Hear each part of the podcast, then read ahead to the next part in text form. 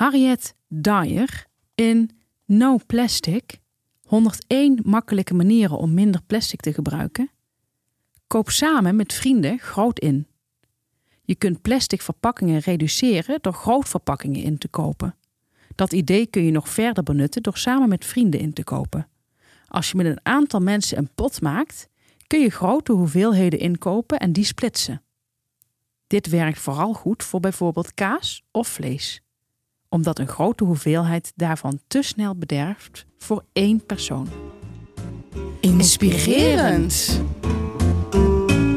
Een goede podcast is als therapie. Je kunt er al je shit kwijt.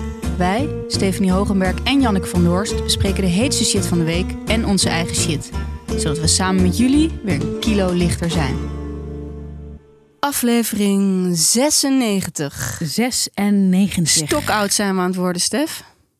Nou, spreek voor jezelf. Ik voel me zo jong en fris en dachtel. Ja, maar dat kan ook als je oud bent, hè? Zeker, ik heb het idee dat het bij mij nu pas begint. Ja, lekker. Ja. Heerlijk. Ja. Het begin van alles. Ja, heel lekker. Heel lekker gevoel. Hey, Stef, jij hebt, eh, als we dan toch even over de huishoudelijke mededelingen hebben, jij hebt een onverwachte podcasttip. Ja, Jan. Ik, ehm, ik moet wat bekennen. Kijk, ik ben iemand van. Ja, als ik gewoon iets goed vind, vind ik iets goed. En dan ga ik, dan niet, ga ik dat niet, niet zeggen. Ga je niet kinderachtig over doen? Ga ik niet kinderachtig over doen. Dat past niet bij mij. Ik ben een volwassen vrouw. Ik zit in mijn volwassen lichaam. Wat is nu het geval? Ik heb vaker op Instagram snippets gedeeld van de podcast Zus en Zo. Ja. Met Elise en Vita Boers. Dat zijn twee zussen. En eh, zij praten ongelooflijk langzaam. Ja. Dat is werkelijk ongelooflijk langzaam. ja. Dus echt, het is, het is, ja, het lijkt een grap. En die snippets, ja, die waren altijd al heel apart. Dus af en toe deelde ik er wel eens één. En dan, nou, heel grappig. Maar toen, eh, ik had echt een hele slechte slaapweek. En wat doe ik dan? Dan ga ik altijd eens kijken wat een fijne podcast is om naar te luisteren. Gewoon een praatpodcast met niet te veel toeters en bellen, met te veel geluidjes. Ja. Moet, Dus- sowieso, moet sowieso weg. Moet sowieso weg. Stoppen. Dus ik heb de podcast Zus en Zo opgezet. En ja, ik heb zo. Ik kon bijna niet slapen van het lachen. Ik vind deze twee vrouwen toch echt wel heel erg grappig. En eh, ook als ze niet grappig zijn, soms moeten ze ook een beetje om elkaar lachen. Eh, dus je merkt ook wel dat ze het zelf wel grappig bedoelen. Maar ook als ze niet grappig zijn, het gaat er heel erg veel over hun mom life. Dat zeggen ze ook. Mhm. En wij hebben het over het mom life. Nou, ze zeggen iets anders. Maar ik vind ze heel onderhoudend. En eh, er staat ook in in de recensies van... eh, ik zet deze podcast op anderhalve snelheid. Leuke podcast, maar ik zet hem wel op anderhalve snelheid. Dus mensen hebben het wel echt over die traagheid. Maar wat ik zo goed vind is... ja, ik, ik vind ze gewoon bijzonder komisch. Echt waar. Ze zeggen dan, ze beginnen in het begin met... Hallo! En dat doen ze tegelijkertijd. Dus het lijkt me leuk om het jou ook een keer te doen. Ja. Doe eens. Hallo! Ja, zo doen zij. En dan moet ik al lachen. En dan zeggen ze van, hoe is het met jou? En dan gaan ze zo praten. En eh, ze hebben ook hele goede titels. Dus daar viel ik voor. Eh, er was één titel, eh, het begluren van de oppas. Nou, dat trok maar meteen. Ja. En je krijgt dan ook echt wel iets, iets, iets goeds. Dus eh, eentje gaf toe Elise dat zij eh, haar oppas begluurt met een camera. En eh, dat, dat weet die oppas wel ook. Dus dan zegt ze van, ik, ik ben zo iemand. Dat meen je niet, zegt Vita dan. Ja, ik meen het wel. En ik kijk gewoon op die camera. Dat meen je niet. En dan zegt ze ja. En dan kijk ik hoe ze koken aan het wiegen is. Nee, ja. En dan kijk ik als Coco huilt, kijk ik hoe snel ze erover doet om haar te pakken. En eh, op een gegeven moment zei ze, en heb, zegt die ander van Vita, zegt dan van, eh, en heb je ook al eens een keer iets, eh, iets gezien wat niet in de haak was? Ja. Meen je niet? Ja. Vertel, vertel. Nou, zij had op een gegeven moment, kijk ik op die camera en wat zie ik? Zij had gewoon een hydrofiel over het wiegje liggen. Een hydrofiel. Ik weet niet precies wat het is, maar goed. Nee? Nee, wat is het? Een hydrofiel is een soort hele dunne, dunne doek waar je van alles mee kan met een baby. Dat dacht ik dus dat het dat was, maar ik weet niet wat daar nou... Oh, dan kan een baby trekken of zo en dat over zich per ongeluk over zich Ja. heen trekken. En In toen- principe zou het moeten kunnen ademen, maar ik zou er ook niet blij van worden. Oké, nou, toen zei ze, nou, ik ga meteen geappt. Ik zeg, haal die hydrofiel van die wieg. En dat heeft ze toen ook meteen gedaan. Nou, ik, ik, ik vind het zo verschrikkelijk grappig. Maar ze hebben het ook over het oorsmeer van het kind. Hoeveel oorsmeer? Nou, niet normaal. Hoeveel oorsmeer daaruit komt. Dat is niet meer normaal. Nee, zegt die ander. Dat is niet normaal. Er komt zoveel uit. Ik dacht dat er iets aan de hand was. Nou, zij googelen. Blijkt dat kinderen blijkbaar heel veel oorsmeer hebben. Nou, het is zoveel. Het is gewoon een kaars. En dan ook... Wat ik heel grappig vond, op een gegeven moment gingen ze ook, want ik heb echt veel afleveringen geluisterd, gingen ze B&B vol liefde bespreken. Nou, daar kan ik nog een puntje aan zuigen. Ehm, over één vrouw zei ze bij, eh, bij die boer Walter, bij die hele wilde vrouw, zei ze, nou, zij is gewoon zo'n kokteaser. Echt een kokteaser. Ja, zegt die ander, ja, zij is echt een kokteaser. Ik vind het grappig. En ik ben dus, ik ben er dus niet over uit of dit nou niet. Ik denk dat zij het, dat het echt wel grappig bedoeld is ook vaak. Ze hebben dus heel erg over het moederschap en zo. Ja. Eh, maar zelfs dat vind ik best wel onderhoudend. Ik vind het wel grappig wat zij allemaal. Ze raden ook allemaal must-haves aan. Denk, nou, dat lijkt me best wel handig als je moeder bent. Omdat Ja. zij hebben echt allemaal dingen uitgevonden waarvan je denkt, nou, dat zou ik meteen aanschaffen. Ja. En ehm, ja, ik ben dus vanuit ehm, een beetje spotpunt. Dus Ja. eerst vond ik het, dreef ik een beetje de spot met ze, wat niet heel moeilijk is, want dat doen meer mensen. Mhm. Ben ik naar fanschap gegaan. Wat leuk. En dat vind ik een hele ehm aparte, ook voor mezelf. Gewoon een heel, ja, het is een hele Ja. aparte ontwikkeling. Ja, maar het maakt je ook weer zo'n bijzonder eh, lenig type. Eh, Lenig, dat is het woord, denk Ja. ik. Ja, ja, ja, ja, ja. ja. Heerlijk. Nou, ik ga ze ook maar eens eh, goed naar ze luisteren. Zeker voor het slapen gaan. Nou, je moet echt even, je moet echt een keer even naar ze luisteren. Ik vind dat begin alleen al dat hallo, vind ik zo grappig. Ik, ik, moest echt, ik, ik moest er echt om lachen in mijn bed. En ik kan me niet voorstellen dat ze dat niet lollig bedoelen. Nee, ik denk dat ze dat, dat, ze dat grappig bedoelen. Ja, Alleen, je moet ook wel een soort lef hebben om dat te durven als humor. zeker. En daar, die credits wil ik ze ook geven. Ja. Nee, ik ben, eh, ik ben, ik ben echt fan. Leuk. Ja. Ja, we hadden het vorige week over eenzaamheid. Ja, in de gezelschap van Ja. domme vrouwen. En toen dacht ik, oh, daar heb ik nog een mooie quote over. En het sluit hier wel goed op aan. Dat klopt niet helemaal precies, maar het is wel een mooie quote. Nou, En ik heb het uit het boekje van die Doreen Dijkhuis. Zij quote dan Carl Jung. dat is een psycholoog, toch? Ja, en die zegt dan: eenzaamheid wordt niet veroorzaakt door de afwezigheid van anderen, maar doordat je de dingen die echt belangrijk voor je zijn verzwijgt, omdat ze ontoelaatbaar voor een ander zouden zijn. Die vind ik heel goed bij volgende Ja, week passen. toen ik het, nu ik het lees, nu ik het lees, denk ik eigenlijk ja, past er inderdaad wel goed bij. Ja, Je verzwijgt een deel van jezelf. ja. Mooi.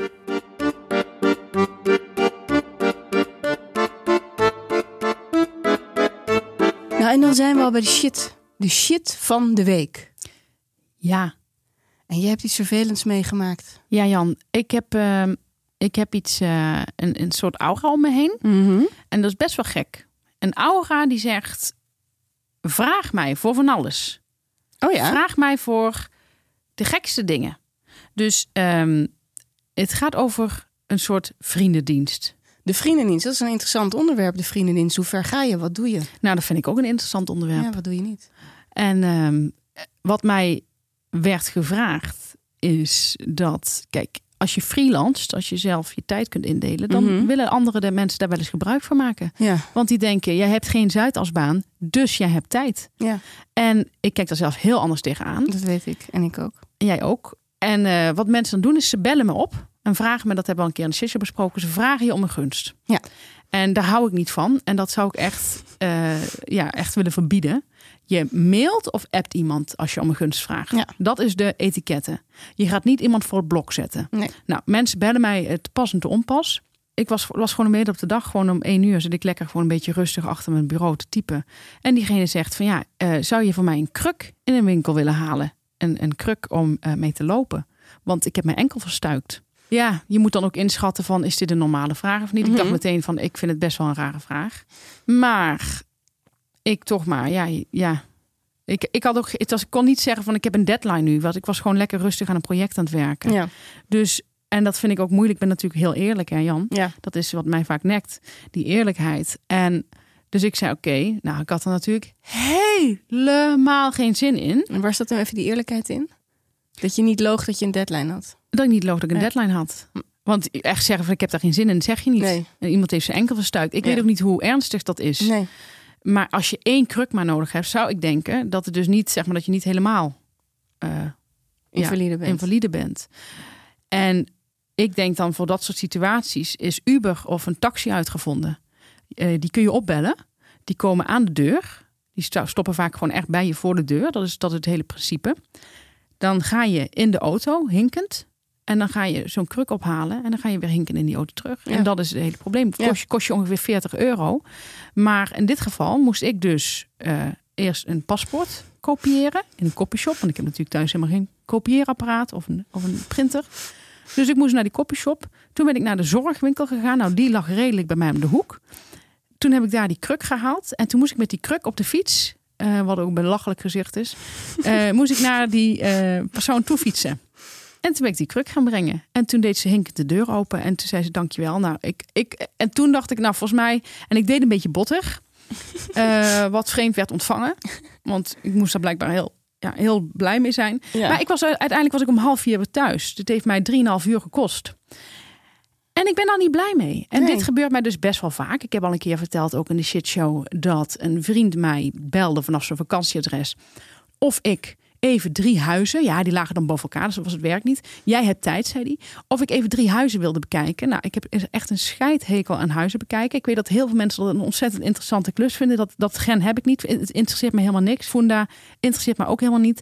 Dus ik eh, had ook geen weerwoord, want het was ook weer telefonisch. Dus ik ben die huizen gaan bekijken. Ik moest allemaal, ja, of, je, of ik dan van overal filmpjes van wilde maken. Mensen waren daar gewoon met z'n stelletjes, waren daar gewoon rustig aan het rondkijken. Ik zat overal foto's van te maken, allemaal filmpjes en zo. Je weet ook niet of je het Maar- goed hebt gedaan. Hij wilde vanuit daar ook een bod doen. Ja, want het was een, het is bedoeld, het is Dat is een Amsterdam. gekke markt, ja. Het is een gekke markt, dus eh, ik moest dat beslissen. En eh, dus ik stuurde die filmpjes en hij stuurt terug van, eh, oh ja, ik dacht al dat het niks was. Toen heb ik alleen nog gezegd van, fijn hè, dat ik ben gaan kijken. Hij zei, ja, want anders, ik, wil, ik wilde het even zeker weten. Nou, sorry hoor. Daar moet je mij niet voor bellen. En ehm, dit gebeurt dus best wel vaak. Eh, Ik heb met Airbnb heel vaak gehad. Nou, mensen proberen uit te leggen van Airbnb is geen vriendendienst. Ik hoef niet eh, jouw dekbed eh, te verwisselen of een sleuteloverdracht. Dan moet je me voor betalen. jij, Mhm. jij krijgt daar ook geld voor. Het is een hotelletje wat je runt eigenlijk. Hè. Dat is, dat, zo moet je het toch echt wel een beetje zien. Dus ehm, hier ben ik al best wel vaak mee de mist in gegaan. En toen dacht ik, ja, een vriendendienst is gewoon dat is meegaan naar een, eh, een moeilijk ziekenhuis, eh, mo- moeilijke ziekenhuisafspraak. Dat is iemand naar Schiphol brengen. Iemand van een eh, station afhalen waar geen treinen meer rijden. Om, om 12 Mhm. uur s'nachts. Dat zijn vriendendiensten. Ja, nou noem nog eens wat. Jij mag ook meedoen in het gesprek. Als je toevallig ook in de buurt woont, want daar, dat heeft ook iets te maken met de vriendendienst. Het heeft ook wel iets met kilometers te maken, Ja. wat je vraagt. Als iemand om de buurt, in de buurt woont, even de hond uitlaten als ze naar een begrafenis moeten. Of eh, even op de kinderen passen, omdat eh, er een begrafenis is. Ja, het ligt een beetje aan het aantal kilometers. Ja. Ook, ja één, één kilometer is de max. dat denk ik wel. En, eh, heb, maar heb jij alles gehad dat mensen Nou, vragen? ik vind van- het, wat ik er echt alarmerend eigenlijk vind, is dat ik eigenlijk nooit wordt gevraagd voor een vriendendienst. Nee, dat bedoel ik, Jan. Ja, Het is die hele aura van mij. ja ik, Wat echt gek is. Want ik heb echt niet het idee dat ik nou uitstraal dat je mij voor dit soort Nee. dingen kunt vragen. zou ik ook niet zo snel Het is doen. echt heel raar. Ja. En ik, ben, ik word eigenlijk nooit gevraagd. Ik heb wel één keer een vriendendienst gevraagd. Toen woonden we in Frankrijk. Toen moesten we opeens eigenlijk al vrij hal- hals over kop terug. En toen moesten we een huis huren. En het was ook een beetje lastig eh, allemaal. En toen heeft een vriendin voor mij eens naar het huis gereden om te kijken of het wat was. Ja. En daar zijn we ook ingetrokken. Nou, kijk, dan vind ik het gewoon opgelost. Maar je, moet- je moet er dan wel intrekken. Ja, dat wel, ja. Ja, Nee. we moesten ook eigenlijk wel. Maar toen is zij ook, want het was voor haar echt wel een eentje rijden. Ik vind, er kan, er kan gewoon een heel groot deel worden opgelost met, eh, Geld. met geld. Daar komt het eigenlijk wel op neer. Een Uber pakken. Gewoon eventjes eh kordaat zelfstandig. Ja. Ja, ik, ik probeer altijd zelf echt even te kijken van... moet ik hier iemand echt mee belasten? Ja. En ik zou ook nooit iemand opbellen met de, met de tekst... jij hebt tijd. Nee, Dat bepaal jij, dat bepaal jij gewoon dat niet. is heel gek om te zeggen, ja. Ja, Nou, wij hebben natuurlijk, ik heb in die kleine straal van huizen om me heen, is het wel, en dat vind ik wel heel fijn. eh, dat zijn ook geen vrienden, diensten meer, maar een soort van wederzijds opvang. Dus dat we altijd wel elkaar helpen met eh, de kinderen even ophalen of Ja. weet ik veel wat. Of Ja, eventjes. maar eh, dat is echt community. dat, dat, is dat is leven. to raise a child. Ja, mooi. Ja. Kippenvel. Dat vind ik zo gaaf. En dat voelt ook niet als een vriendendienst. Nee, maar dat is het ook niet. Nee, maar zodra mensen, zodra mensen echt iets van je tijd gaan pakken, Ja, iets wat eigenlijk anders opgelost had kunnen worden, het kost jou veel meer tijd. Hè? Dat zei Ja. vroeger ook eens wel iets anders, maar ik vond het heel vervelend dat mijn vader me net op wilde halen in Amsterdam. Als ik naar, naar, naar, naar, naar huis kwam. ja. Eh, maar wel van het station. En het station was 20 minuten rijden. En het, mijn huis was 30 minuten rijden. Oh ja. Dus dan moest hij dus 20 minuten heen en terug naar het station, maar niet 30 minuten heen en terug naar mijn huis. Ja. En dat vond ik dan altijd dat ik dacht, ik zie, ik moet nu namelijk anderhalf uur reizen extra voor wat jou 20 minuten zou kosten. En heb je daar alles met je vader over Ik heb het in gesproken? een stuk geschreven ooit en dat heeft hij wel gelezen. En toen? Geen reactie. Nee, stoïcijnse man. Ja. Nou Jan, ehm, laten we voor eens en voor altijd duidelijk zijn. Kopje Er zijn erbij. regels in de Want er zijn vriendendienst. regels. Ja.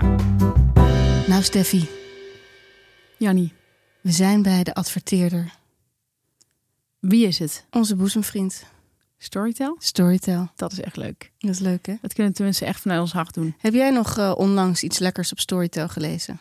Nou, er staat een boek op. Ik heb het eh, in alle eerlijkheid eh, nog niet gelezen, maar de titel spreekt me ontzettend aan. En de titel is Wat mama niet vertellen kon.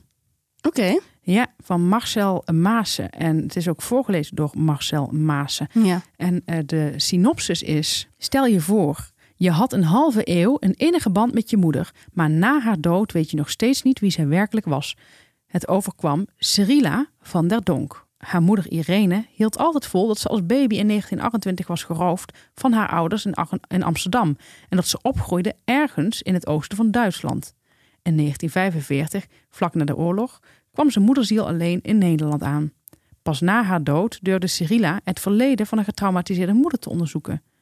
Met schrijver Marcel Maassen ploos zij de verhalen van haar moeder uit en als detectives doken zij in de historische bronnen.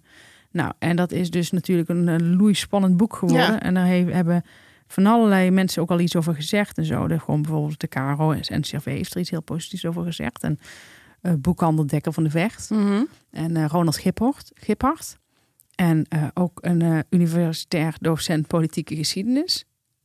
Nou ja. Lijkt me serieus wel interessant. Ja, toch? Zo'n raar verhaal, daar hou ik altijd wel van. Larry David had dat. Ze Wat? hebben in Amerika ook zo'n soort programma dat je je roots gaat onderzoeken. Hoe heet het in Nederland ook alweer? Spoorloos. Nee, je roots, je eigen roots. Bloedband. Nee, dat je gaat kijken van waar... Oh, verborgen verleden. Je verborgen verleden. Zo'n soort programma hebben ze in Amerika ook. Kwam Larry David A achter dat hij familie is van eh, eh, Bernie. Bernie Sanders. Oh, Zij zijn familie van elkaar. dat zie je wel ook. Ik weet niet hoe ver, maar ze zijn aan elkaar eh, gekoppeld. En hij bleek, zijn moeder bleek een hele andere naam te hebben. Wist hij niet. En ze bleek uit een heel ander land te komen dan ze altijd had gezegd. Oh, wat gek. Waarom zou je daarover liegen? Ja. Waarom zou je daar nou over liegen? Ik heb het programma zelf niet gekeken, maar ik zag het ergens staan. Hoe zou dat heten? Ja, ik weet even niet hoe het heet. Ja, Ja. dus eh, die dingen gebeuren. Ja, ik ben toevallig ook een boek op Storytel aan het lezen. En Nou, dat is de Beethovenstraat van Frank van Kofschoten. Zoals je weet heb ik Oh ja. met hem gewerkt bij Hard Gras. nou ik ook. Zoals je weet hebben wij met hem gewerkt bij Hard, Gras. En ehm, ik wilde dat boek al heel lang lezen omdat ik goede verhalen over hoorde. Als je, eh, omdat die geschiedenis van de Beethovenstraat is best wel interessant. Het gaat over het plan Zuid met Berlage, maar het gaat ook over de Joodse geschiedenis daar en wat er in de oorlog is gebeurd. Dat speelt een grote rol. En dat heeft hij allemaal uitgezocht. En goed opgeschreven. En ik ben op Storytime begonnen en het is echt leuk. Leuk, wat een Echt interessant. Ze Ja, hebben allebei een beetje dezelfde categorie. ja en de, duik eens eventjes in het verleden. Ja, In plaats van altijd maar naar het heden te kijken of de toekomst. Ja, van nu te leven. Ja, och. Ben je nou geïnteresseerd geraakt? Wat moet je dan doen? Ga dan naar story.tel slash shitshow. En dan, nou, het is gewoon alsof er iemand confetti over je heen gooit. Krijg je 30 dagen gratis. Kun je ook weer opzeggen. Maar waarschijnlijk ben je na een maand verkocht. Storytel. Dan zijn we bij de ergernis. Nou, ik had een ergernis. Zeg het eens. Zal ik maar meteen even met de deur in huis vallen? Ehm, nou, mijn ergernis is, en het is me al vaker overkomen... dat laatst toen vroeg ik van, eh, aan iemand van... ehm, in een gezelschap van, zullen we, gaan we nog zo eten? Eh, hè? we waren borrelen. Gaan we ook nog zo eten, want we zouden ook gaan eten. eigenlijk was mijn interesse meer van, gaat het nog door? Want we hadden zoveel borrelhapjes op. Ja. En toen zei iemand, oh, jij bent er zo een die om zes uur aan tafel moet. En toen zei ik, ja, En wat gebeurde er toen? in mijn lichaam? Nee, bij die persoon, bij die andere persoon. Oh, ik moest een beetje lachen of zo. Maar ik, ik, ik was ook een beetje in shock, want dat was in dit geval niet eens mijn bedoeling. Ik had zelf al heel veel gegeten van die borrelhapjes. Eh, zoals je weet eh, kan ik daar goed op toeslaan. Ja. Ehm, en, ehm, maar ik wilde gewoon even weten wat het nog doorging. En toen dacht ik, ik vind het ook altijd iets heel vervelends vinden. Want ik ben inderdaad iemand die graag op tijd eet. Is Ja. ook veel beter voor je trouwens. Ik ook, ik ook. Oh ja, nee, wij, wij, zijn, wij zijn iemand die graag eh, op tijd eten. Ja, klopt. En ehm, om allerlei redenen. Eh, het is ook heel, heel goed voor je. En dan gaan mensen altijd een beetje doen alsof dat niet werelds is. En zij dus heel werelds zijn en het heel Hollands is om vroeg te eten. Daar wil ik even iets op zeggen. Voordat jij gaat. Want ik zie aan jouw hele lichaam dat daar ook iets komt. maar ik wil er even iets op zeggen. Mensen doen dan van alsof ze heel mediterra- mediterraan zijn. Dus we eten lekker om negen uur of acht uur het liefst. Ja, met de kinderen moeten we helaas wel echt om half acht eten. Maar mevrouwen en meneren die dit soort dingen zeggen, wist jij dat in een Mediterranee mensen niet twee boterhammen eten voor lunch, maar dat ze om half één een enorme maaltijd naar binnen krijgen? Ja, dan heb ik ook pas om acht uur 's avonds honger. Maar dat is niet het geval hier. Dus waarom zou ik honger moeten lijden? Omdat dat tof is. En heel, dat ik me dan een cosmopoliet voel. Mag ik hier ook iets over zeggen nu? Heb je wel geluisterd? Ja. Oké. Ik ben het met alles Oh. eens. Alles eens. Precies dit heb ik dus meegemaakt met een stel. Ja. En zij vonden het, eh, ze waren altijd bezig, heel erg bezig met burgerlijkheid. Ja. Dingen die ze burgerlijk vonden. Ja, zelf gebruik dat woord echt zelden. Ik ook niet. Ik vind dingen gewoon niet zo heel snel burgerlijk. Nee. Ik vind sommige types degelijk, een Mhm. beetje saai. Maar het woord burgerlijk gebruik ik niet zo snel. Nee. En ik vind, zij vond dus ook, zij vond bij een keten eten heel burgerlijk. En zij vond ook het heel burgerlijk als je vaker naar hetzelfde restaurant gaat. Nou, ik kan echt niet bedenken wat daar burgerlijk aan is. Dat begrijp ik echt helemaal niet. Nee. En zij vond het burgerlijk als je om zes uur wilde eten. En eh, er staat ook allemaal in mijn boeken in nalezen in hoofdstuk 1. We hebben het over je gehad. We hebben het over je gehad. En ik had altijd het idee als ik dan daar ging eten, dat zij mij expres een beetje zo. Zij wist dat ik van zeg maar altijd best wel een beetje hongerig was. En, en ik kreeg toch echt wel de indruk dat zij die tijd een beetje ging rekken. Dus het was al. Ze vroeg dan al van ja, je kunt om half acht komen. Dan dacht ik al, wist ik al. Krijg ik niet avond. ja, krijg ik niet te eten om half acht. Want zij vindt het niet gezellig als we dan meteen aan tafel gaan. Zij vindt het gezellig als we samen in de keuken eerst nog met een glaasje wijn staan. Voor dat wereldse gevoel, hè? Mhm. Alles voor dat wereldse gevoel. En dan stonden we in de keuken en dan wist ik al, ja, dat wordt acht uur, half negen misschien zelfs. En dan vroeg ik van, heb je al iets te snacken? En dan moest ze zoeken. Nou, dat had ze dan niet echt. Dus ik moest dan echt een beetje op dat eten wachten. Nou, die gesprekken die gingen gewoon helemaal langs mij heen. Ja, want je hoort niks meer als je honger hebt. Niks, niks. En ik vind het ook, ja, ik vind acht uur eten. Ja, op vakantie wil ik me best een beetje aanpassen hoor, in een ander land omdat je anders in je eentje daar zit. Dus dat vind ik niet Ja. zo gezellig. Maar in Nederland, ik vind. eh, Maar op vakantie ontbijt ik later, lunch ik later Ja. en eet ik daardoor ook later. Ik vind het ook, maar ik vind gewoon dat inderdaad dat, dat, je- dat je dingen burgerlijk vindt. Ik heb altijd het idee, nou dat weet ik eigenlijk vrij, vrij zeker, is niet echt een idee meer te noemen. Het is gewoon best wel feitelijk, maar dat mensen die zelf een beetje een burgerlijke inborst hebben en die zichzelf ook zo bekijken, die daar eigenlijk echt de hele tijd voor moeten waken, Ja, dat die heel erg snel dit soort dingen vinden. ja. Want ik hoor het jou ook niet zeggen. Nee, zeker niet. Maar we hebben wel een vriend die ook, eh, een gezamenlijke vriend, die ook heel ehm, geïrriteerd kan raken als ik vraag van wat doen we met eten? Ja? Ja, dus dan gaan we samen ergens naartoe, naar een presentatie of een, weet ik veel, een boekpresentatie of zoiets. En dan word je met de auto opgehaald en dan ben ik al een beetje in paniek. Want ik heb gewoon, ja, ik heb hy- hypoglycemie. Dus om de anderhalf, twee uur krijg ik gewoon best wel hongerklop. En dan vindt hij dat heel erg burgerlijk dat ik daar naar vraag. Oh nee, Wat doen we met ik eten? vind dat heel belangrijk. Ja, ik ook. Maar ik anticipeer gewoon, want ik word helemaal geen leuk persoon. Nee, Dus ik word Nee. best wel kribbig. Ik heb nu ook best wel honger. ik ook. Morgen komt mijn moeder eh, op bezoek in Amsterdam. En dan weet ik gewoon, ik heb lekker om zes uur een restaurant gereserveerd. Vind ik heerlijk. Ja. En daarna om acht uur zit ze lekker weer op de trein. nee, dat is een rampje. Die, ze blijft logeren. Ja, en het is gewoon eh, veel beter voor je. Zeker voor de, Voor weten. de nachtrust, Zeker weten. voor de lijn. Daar denken ze dan niet aan, hè? maar voor je figuur is het veel beter om vroeg te eten en dan niks meer te eten. Jan, Als iedereen de wijsheid in pacht had die wij hebben, dan zou de wereld er een stuk mooier uitzien. En slanker. En dat is niet bescheiden om te zeggen, maar het is wel zo.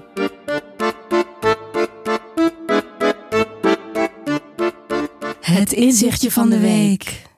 Ja, Jan, ik heb eigenlijk een inzicht dat een beetje aansluit op de ergernis. Ja, maar je kunt dingen niet vaak genoeg herhalen. Dat is ook zo. En wat mij eh, vaak ook een beetje stoort, is dat ehm, ik hoor wel eens mensen zeggen over eten Ja. dat het ordinair is. Eten, gewoon, in het algemeen. Nee, oh, ik leg een bepaald goed uit. soort Een eten. bepaald soort eten. Dus eh, Een eh, frikandel of zo. ja, en dan zeggen mensen: wat heb je toch een ordinaire smaak? Of ja, het mag geen geheim zijn. Ik, ik hou van tijd tot tijd van McDonald's. Ik heb het al heel lang niet gehad nu. Ik heb het al eh, zeker eh, eh, vier maanden niet gehad, wat voor mij echt wel lang is. Maar ik ja, kan niks doen. Ik ben ermee opgegroeid. Ben ermee, mijn vader heeft me ja, zo. Met een paplepel ingegoten. Nou, bijna wel, ja. Ja. Ehm, en ja, ik hou er gewoon heel erg van. Het is, het is een gevoel van thuiskomen. Mhm. Maar in ieder geval, dan zeggen mensen van... wat heb je toch een ordinaire smaak? Of laatst had ik met een collega... gingen we samen naar de supermarkt bij de lunch... om even iets te halen. En ik zeg... en we kwamen langs Dunkin' Donuts. En toen zei ik... oeh, ik zeg, zullen even lekker een donut halen? En toen zei hij... wat, wat heb je soms toch een hang naar ordinair eten? Maar ik vind dat heel gek. Waarom moeten we allemaal zo Calvinistisch leven waarin je altijd maar gezond zit te zijn? Met allemaal bruine boterhammen volkoren en volkoren pasta. En ik bedoel, ja, dat probeer ik ook. Probeer ook gezond te leven. Maar het is toch soms heel lekker om een lekkere donut te eten. Weet je hoe lekker die dingen zijn? De Red Velvet Donut bij Dunkin' Donuts is zo lekker. Er is Ja, een hele ik hou lekkere toevallig niet heel erg van donut. Dat en hoeft van ook niet, McDonald's, maar ik herken het wel. Ik ben dus heel erg van de mayo. Ik doe overal het liefst wel mayo op. Dus dat zou je ook ordinair kunnen vinden. Ik hou heel erg van mayonaise. Ik vraag ook wel gewoon in een Frans restaurant... mag ik er mayonaise bij? En dat vinden mensen dan soms ook eh, vervelend. Want dan denken ze, ja, we zijn hier in het Frans restaurant... en dan doe je niet mayonaise bij je wel. Daarbij maken ze het dan vaak vers. En dat vind ik het allerlekkerst. Ehm, dus ik denk dat ik niet per se van ordinair eten hou... zoals eh er stempel erop zit... maar wel van het ordinair maken van niet-ordinair eten. Ik weet nog een keer dat ik in Sri Lanka was, in Ikedua... En ehm, dat verhaal heb ik misschien wel verteld. En ik was, er was een filmavond en ik was met een vriendin, Sophie. Waarom zij er niet was, ze lag nog op bed of zo. Het was in ieder geval wel avond, maar ze was er niet bij. En ik ging die film kijken met een hamburger. Ik denk dat ze ziek was. Dus ik zat er alleen naar die film te kijken en ik kreeg een hamburger bij. Vind ik echt heel leuk op het strand. Is ook heel leuk. Ja, en ehm, ik was gewoon echt naar die film aan het kijken... alsof je thuis op de bank eh, een film aan het kijken bent. Dus ik was ook op die manier aan het eten. Heb je daar een beeld bij? Ja, Ja. ik heb jou een keer zien eten van een pizza toen ik er gewoon bij was. Ja, ik, ik heb te lang alleen gewoond. Maar het leuke was dat daarna een leuke Israëlische jongen eh, naar mij toe kwam en eh, helemaal geïnteresseerd in mij was. En toen zei hij later die avond van, ja, ik vind jou zo leuk. Ik heb nog nooit een vrouw zo goor zien eten. Hij zei, de saus kwam er aan alle kanten uit en zat Ja, op je gezicht. Ja, maar Joden vinden dat heel aantrekkelijk, hè? Ja? Ja. Want eh, dat zei ook eh, op een gegeven moment is er bij eh, Comedians in Cars Getting Coffee. Mhm. zit Jerry Seinfeld met Larry David. Ja? En dan hebben ze het ook over Joden en hoe vies ze eten. Ja? Ja. Oh, dus ik was daar, ik kan daar gewoon heel erg me... Jij zou daarheen zijn. moeten. Ik ben Ja. nooit in Israël geweest. Enkeltje Tel Aviv voor jou. Ja. En wat was precies het inzicht? Dat het niet ordinair is. Het is gewoon ongezond eten. En van tijd tot tijd kan dat gewoon. Tuurlijk. En eh, ik vind het heel erg. Ik vind het een beetje in de, in de, in de categorie eh, zes uur etenstijd burgerlijk noemen en en friet speciaal ongez, even friet speciaal ordinair noemen. Ja, ik vind het hetzelfde. juist heel leuk, want ik heb nog een goede vriendin die erg van, eh, van McDonald's houdt, Emma. Ja, Ik vind dat dus, dus heel erg leuk aan haar. ja, vind ik ook leuk. Warme boodschap. Stef, wat heb jij? Ja, Jan, Ja? ik heb een film, een Franse film. Ik kijk hem denk ik eh, één keer per jaar. En ik heb hem geloof ik nog nooit hier getipt, wat Oh, gek is. Ja, maar dat is vaak zo. Dat Ja. zit zo in je systeem, Het ja. zit zo in mijn systeem, ik, ik adem het. Mhm. Eh, de Franse film heet eh, Jeune et Jolie. Ja? Wat zowel betekent eh, Young and Beautiful. Hij is op Apple TV te zien. Heb jij hem ooit gezien? Nee. Jan, deze film vind jij geweldig. Echt waar. Ga hem kijken. Ik heb hem aan een vriendin laten zien. Die vond hem ook echt fantastisch. Het is een, ja, de knapste actrice. Ik zei het eerst over Virginie eh Elvira. Elvira. Ehm, die blond is. Maar dit is weer een brunette. Ja. En ze heet Marien Vakt. Ik, ik kan me geen mooiere vrouw op deze hele aarde voorstellen. Zij is zo ongelooflijk knap. Eh, een geweldige actrice. En het gaat, en dit spreekt jou ook aan, over een... eh, ze komt uit eh, goede kringen eh, in Parijs. Mhm. En zij is een tiener, ze is 17 jaar en ze verveelt zich. Dus wat doet zij? Zij gaat zichzelf, eh, hoe noem je dat, prostitueren. Oké. Ja, dus zij gaat gewoon eh, op het net. En dan gaat ze met eh, oudere mannen naar bed.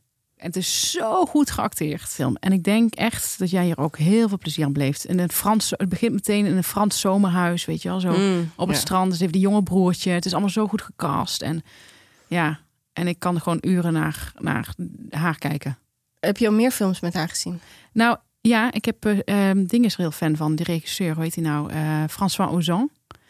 Eh, daar zit ze ook vaker in, in die films. Maar ik vind de films waar ze dan daarin zit, vind ik dan net niet zo goed. En ze heeft op een gegeven moment ook een keer haar haar kort geknipt. En ik denk altijd van, ja, waarom moet dat nou weer? Laat mooi, super mooi lang bruin haar en zo. Maar goed. Ik ben benieuwd, ik ga erop zoeken. Wat was jouw warme boodschap? Ja, dit boek. Ik zal het even voorlezen, want jij gaat het blijkbaar niet doen. Deborah Levy met dingen die ik niet wil weten. Ja. Goeie En- titel. En ik denk dus, daarom liet ik het jou voorlezen, omdat ik, ik denk dat je Deborah Levy zegt. En ik liet het jou niet voorlezen omdat jij het dan fout zou doen, maar zodat ik het niet fout zou doen. Dat is toch gewoon alsnog een valstrik? Nee, ziet wel. Ik had niet verwacht dat je het op zijn Nederlands zou uitspreken. Ik weet nooit hoe je dingen uitspreekt en jij weet het vaak beter dan ik. Dat, dat is helemaal niet waar. Met name echt. Ik, Oh. ik zeg altijd gewoon Deborah Levy. ja, ik ken ook iemand die zegt nog steeds Me- Merel Streep. En dan begrijp ik ook wie ze bedoelt. Ik zei een keer tegen Henk Spaan, ik, heb een geweldig boek gelezen van eh, Anne Tyler. En Kan gebeuren. ja, ik, ik, ik, hou gewoon echt, ik spreek gewoon echt heel veel dingen op zijn Nederlands uit in Nederland. Ja, we zijn in Nederland bedoel je, maar te zeggen. Ja. Ik ben een purist. Nou, Deborah Levy dan. Oké, ik vind een mooie naam. Ja. Ik vind Levy gewoon een hele mooie achternaam. Dingen die ik niet wil weten dus. En eh, dat boek wat werd getipt in eh, dat boek van Doreen Dijkhuis. Of zij had er iets uitgehaald, geciteerd. En ik wil dat al heel lang lezen. Want elke keer zie ik weer mensen die helemaal laaiend zijn Ja. over haar. Ik ken ze. En dan krijg ik ook altijd een beetje... dat ik denk, ja, moet ik dat dan ook dan met die club mee gaan doen? Of kan je lekker je kont tegen de krip eh, Ja. keren? Maar ik dacht nu toch, laat ik het lezen. En, hadden mensen gelijk. Ja, en ik vond het dus... ja, ik vond het grappig. Want het, is, het zijn drie hoofdstukken volgens mij. Drie grote hoofdstukken. En die spelen zich allemaal af in een andere tijd. En ik, vind het, ik vond het licht gekunsteld hoe dit aan elkaar vervlochten werd. Ja. Maar ze schrijft zo goed dat het niet uitmaakt. Want het eerste deel is echt heel anders dan het tweede deel. Het eerste deel is dan eh, waarin ze allemaal mensen citeert en over dingen aan het nadenken is. En het tweede is gewoon een hele lange terugblik op haar tijd als kind in Zuid-Afrika. En dat verhaal is echt fantastisch geschreven. Ze heeft, ze, ja, ja, ik moet de mensen gelijk geven. Deze vrouw kan echt heel goed schrijven. En nu wil ik die andere boeken ook van haar lezen natuurlijk, want zo gaat dat. Eh, op de achterkant kant staat in dit feministische antwoord op George Orwell's beroemde essay Waarom ik schrijf, onderzoekt De- Deborah, Deborah Levy ook die vraag. Daar heb je niet echt antwoord op gegeven. gekregen. Ik, nou, dat is mooi hè. Dat vinden wij heel mooi. Ja. Als er geen antwoorden zijn. Ehm, ik heb een keer in Antwerpen was ik met M. En toen eh, ging ik daar de boekhandel in. Zoals ik altijd in boekhandels eh, ga. Ja. Hoe, doe je dat? Nou, dan stap ik echt naar binnen. Ja. En dan denk ik van, god, ik sta gewoon hier in die boekhandel. ja. En Dus even kijken wat hier is. het leuke in België is dat de boeken daar ook nog te lezen zijn voor ons. Zeg maar, eh, dat heb je in Engeland ook. Oh, je bedoelt dat ze dan Nederlandse boek, Nederlandstalige boeken hebben? Ja, Nederlandstalige boeken. En toen had ik, had ik een, ook een boek van haar gekocht, een geel boek. Ik weet even niet meer, volgens mij The Cost of Living.